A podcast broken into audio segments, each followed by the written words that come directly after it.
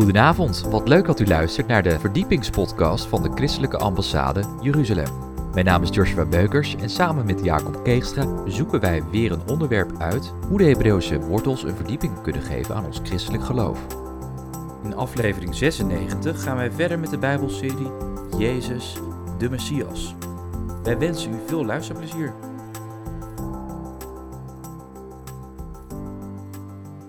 Dankjewel jongens. Ga rustig even zitten.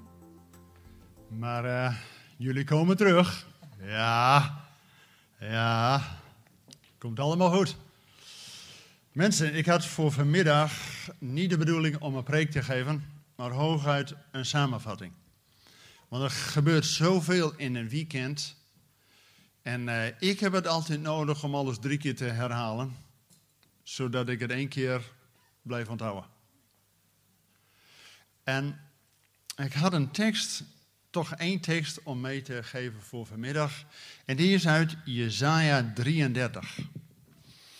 En volgens mij is dat heel toepasselijk als we nou ineens het kinderwerk uh, zo gezien hebben. Die komen en kwamen niet alleen met Paulus op reis, maar ook met een boot aan. Nou, lees deze tekst met mij, Jesaja 33, vanaf vers 20 Aanschouw Sion, de stad van onze samenkomsten. Aanschouw Sion, de stad van onze samenkomsten. Uw ogen zullen Jeruzalem zien, een veilige woonplaats, een tent die niet afgebroken zal worden, waarvan de pinnen voor altijd niet uitgetrokken zullen worden en waarvan geen enkel touw gebroken zal worden. Want de Heere zal daar in zijn macht bij ons zijn. Dan komt hij. Het zal een plaats van rivieren, van brede stromen zijn. Geen roeiboot zal er opvaren. Geen statig schip zal er passeren. En nu de tekst. De Heere is onze rechter. De Heer is onze wetgever. De Heer is onze koning. Hij zal ons verlossen. Amen. We hebben gemeend als christelijke ambassade om dit weekend duidelijk als thema te hebben: Jezus de Messias van Israël. Alleen hoe meer je erover nadenkt, dat is zo'n veelkleurig iets, daar kom je in één weekend niet mee rond. We hebben gemeend om te focussen, Jezus de profeet, en dat hij vooral zelf de profeet is en in die profetische bediening is gaan staan van Elia, Elisa en zo verder. Dat Jezus notabene drie mensen uit de dood heeft opgewekt voordat hij zelf de eersteling is uit de doden. Trouwens even een vraag. Die eerste zes mensen in de Bijbel die uit de dood zijn opgewekt. Elia 1, Elisa 2 en Jezus 3. Dat zijn er zes. En toch geloven we en beleiden we dat Jezus de eersteling is uit de doden. Hoe kan dat dan? Maar toch al zes daarvoor. Maar die zes, met alle permissie, dochtertje van je Iris, noem maar op, Lazarus, die kwamen weer naar deze kant en zijn vroeg of laat toch weer gestorven. En Jezus is door de dood heen gegaan en is aan Gods kant opgestaan met een verheerlijk lichaam. Daarom kan hij ook als eerste van Gods kant naar ons toe komen als de echte Hebreeër die van de overkant komt. En daarom is Jezus niet alleen de zevende, maar vooral de eerste die met een verheerlijk lichaam is opgewekt. En daarom is hij de eersteling uit de doden. Maar hij was ook zelf, dat hij niet alleen in die profetische bediening ging staan, als zoon van de profeten in de lijn en in de autoriteit van de profeten. Jezus moest die drie mensen uit de dood eerst opwekken, zodat iedereen zag, dit is een profeet. En toen kon hij zijn profetie over Jeruzalem. Weet u nog dat dat babytje Jezus werd in de tempel gebracht en over hem werd geprofeteerd. Hij zal zijn licht tot openbaring voor de volkeren, heerlijkheid voor zijn volk Israël en verlossing van Jeruzalem. En daar profeteert Jezus voor. Maar we hebben ook gezien dat Jezus in die rol van priester, hoge priester, waarin Aaron een voorbeeld is in alle symboliek. Mensen, zo'n hoge priester moest een kiene vent zijn. Maar die moest veertig handelingen doen op Yom Kippur. En er moest niet misgaan. Niet voor niks dat Willem Alleneel ook zei, ja, ze had dan gewoon een, eh, eh, een, een touw om zijn been. Want het is een keer fout gegaan dat een priester gewoon het verkeerde deed. En die stierf ter plekke voor de heiligheid van God bij de ark. Dus die priester moest dat. Jongens, wierook, hè, dat er was, daar word je scherp van. God voorziet, zodat niet Aaron het allemaal moet doen, maar God geeft de middelen. Vind ik zo mooi, hè? Dat iedere keer als God iets van ons verlangt en vraagt, dat God al lang de middelen geeft. Zodat het niet is dat wij het allemaal eventjes moeten doen, maar dat God door ons heen gaat werken. En God zal nog meer doen dan wij bidden of Zijn er ook in de voorbeden was het, God gaat dit allemaal volgen en achtervolgen met wonderen en tekenen. Er zijn hier nog vele dingen gebeurd in het weekend. Als we zo dat met de lunch horen wat God echt aan het doen is. Nou, God gaat nog meer dan wij bidden of beseffen uitwerken. God is de naprediker. Maar Jezus was niet alleen de profeet, was niet alleen de hoge priester en dan na de ordening van Melchizedek, die koning van gerechtigheid, koning van Salem, die die vader van gelovigen Abraham tegemoet komt met brood en wijn. Nou, we hebben brood en wijn vrijdagavond aan het begin van het weekend gevierd. En niet voor niks. Van daaruit konden we het hele weekend, dat is de basis waarin wij erbij mogen horen. Door het volbrachte werk van onze Heer mogen wij met vrijmoedigheid tot de troon van genade komen. En Jezus is die weg voor ons voorbereid en pleit daar voor ons. Dat is een hemelse bediening. En die zegende. Hij was zowel de priester, maar was ook het offer. En gisteravond hebben we gezien die koninklijke waardigheid.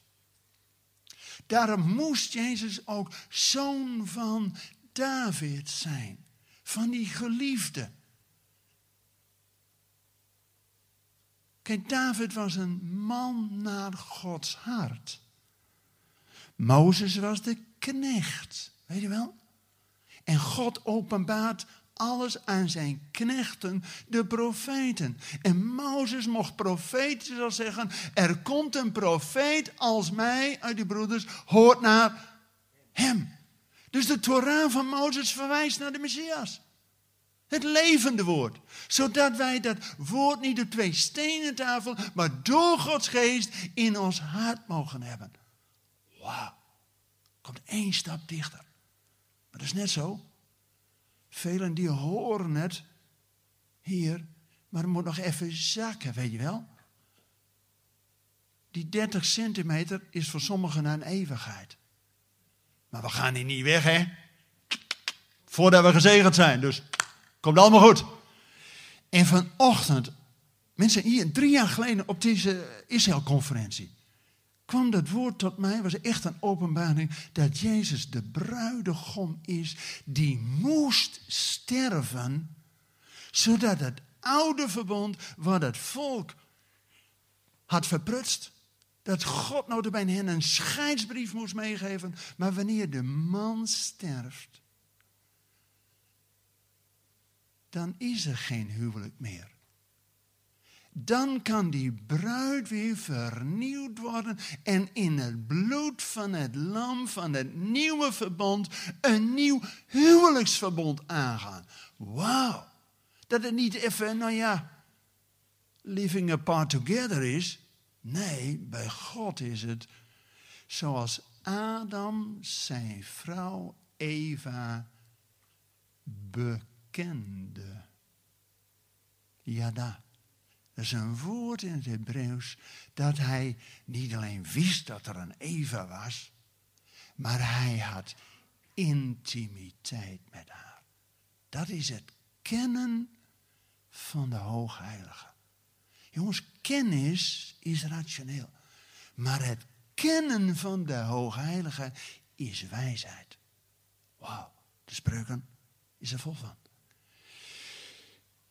En dat die bruidegom klaar staat.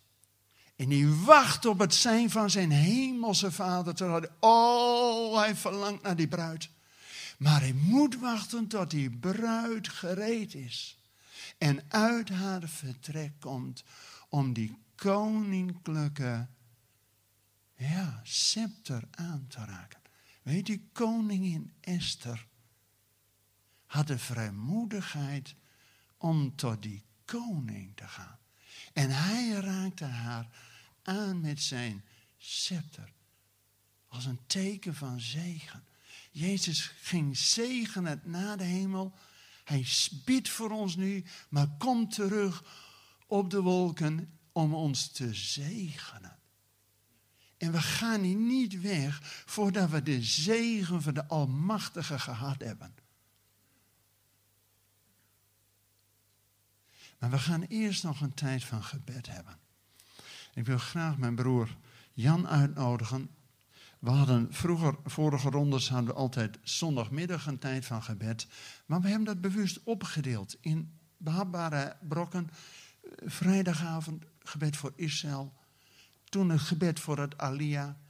En, en ieder onderdeel, een, en voor het Midden-Oosten, de Heerbaan.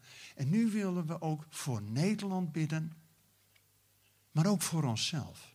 Jan, mag ik jou daarin vragen om ons daarin te leiden? Ja, oh wat is God groot.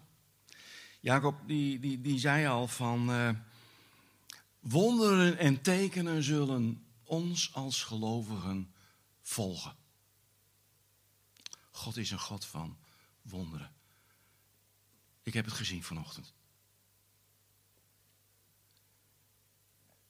Ik heb aangekondigd vanochtend even van, nou, met alle schroom over die collecte. Weet u nog? 9.222,55 euro. En er was iemand die zei tegen mij van, wat zou het fantastisch zijn als dat bedrag wordt volgemaakt naar 10.000.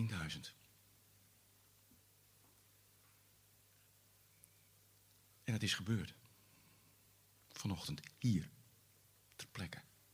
God is een God van wonderen. En weet je, er zit, er zit ook zoveel kracht in het gebed. En ik, ik, ik heb daar ook een ja, structuur, wil ik niet zeggen. Het is, het is, je kan het heel flexibel ook invullen, dat moet je ook zeker doen. Het is een bepaalde vorm die we hanteren vanmiddag. En ook elke keer als we themaochtenden hebben, hebben we daar een bepaalde stroomleiding in. Ik kwam op een gegeven moment ook tot de ontdekking dat, dat, dat, uh, dat het eerst voor de Jood moet zijn en dan voor de Griek. Er staat in Romeinen, het evangelie is een kracht Gods tot behoud voor een ieder die gelooft. Eerst de Jood en dan de Griek dan ik. En daarom ben ik ook zo blij dat we een bepaalde uh, stroomleiding hebben aangereikt. Dat we beginnen met Israël en Jeruzalem. Het centrum van deze wereld. Daar beginnen we. En dan de landen daaromheen, de volkeren. En dan komen we ook bij Nederland. En dan bij onszelf. En ik geloof dat we ook in een tijd leven waarin we op een andere wijze ook datgene gaan verkondigen, persoonlijk, wat we ook hier in dit weekend hebben geleerd. Een andere manier van benaderen naar mensen toe. Er staat ook, ik schaam mij het evangelie niet. En om Sions wil, om Sions wil, wil ik niet meer zwijgen. En er zit ook kracht in het proclameren, als het ware als één mond, als één familie van gelovigen. Dat daar kracht van uitgaat, dat we teksten vanuit de Bijbel proclameren met één mond, als het ware. Zullen we gaan staan? We hebben twee gebedsblokken. De eerste is het gebed voor Nederland, voor onze regering, voor ons koningshuis. En dat hebben ze ook zo nodig. Ik ben God ook zo dankbaar voor mannen als, als Gert-Jan Segers. Die ook een geweldige invloed heeft gehad op, op Rutte. Nou, we gaan zo bidden ook weer in tweetallen of drietallen. Maar laten we eerst de tekst proclameren. Die uh, staat in 1 Timotheus 2, vers 1 tot 2. En als je kunt staan, dan nodig ik je uit om te gaan staan. En als je wilt zitten, ook dat is goed dat mag. Niks moet. Dan staat daar, ik roep er dan voor alles toe op dat smekingen, gebeden, voorbeden en dankzeggingen gedaan worden voor alle mensen, voor koningen en allen die hoog geplaatst zijn, opdat wij een rustig en stil leven zullen leiden in alle godsvrucht en waardigheid. Laten we een moment nemen. Bedankt voor het luisteren naar deze verdiepingspodcast van de ICEJ. Waardeert u onze podcast? Steun ons dan met een donatie of ga naar onze website icej.nl. Volgende week een nieuwe podcast. We gaan het dan hebben over houd de lamp brandende. Ik hoop dan dat u wederom naar ons gaat luisteren. Hartelijk bedankt voor het luisteren en tot volgende week.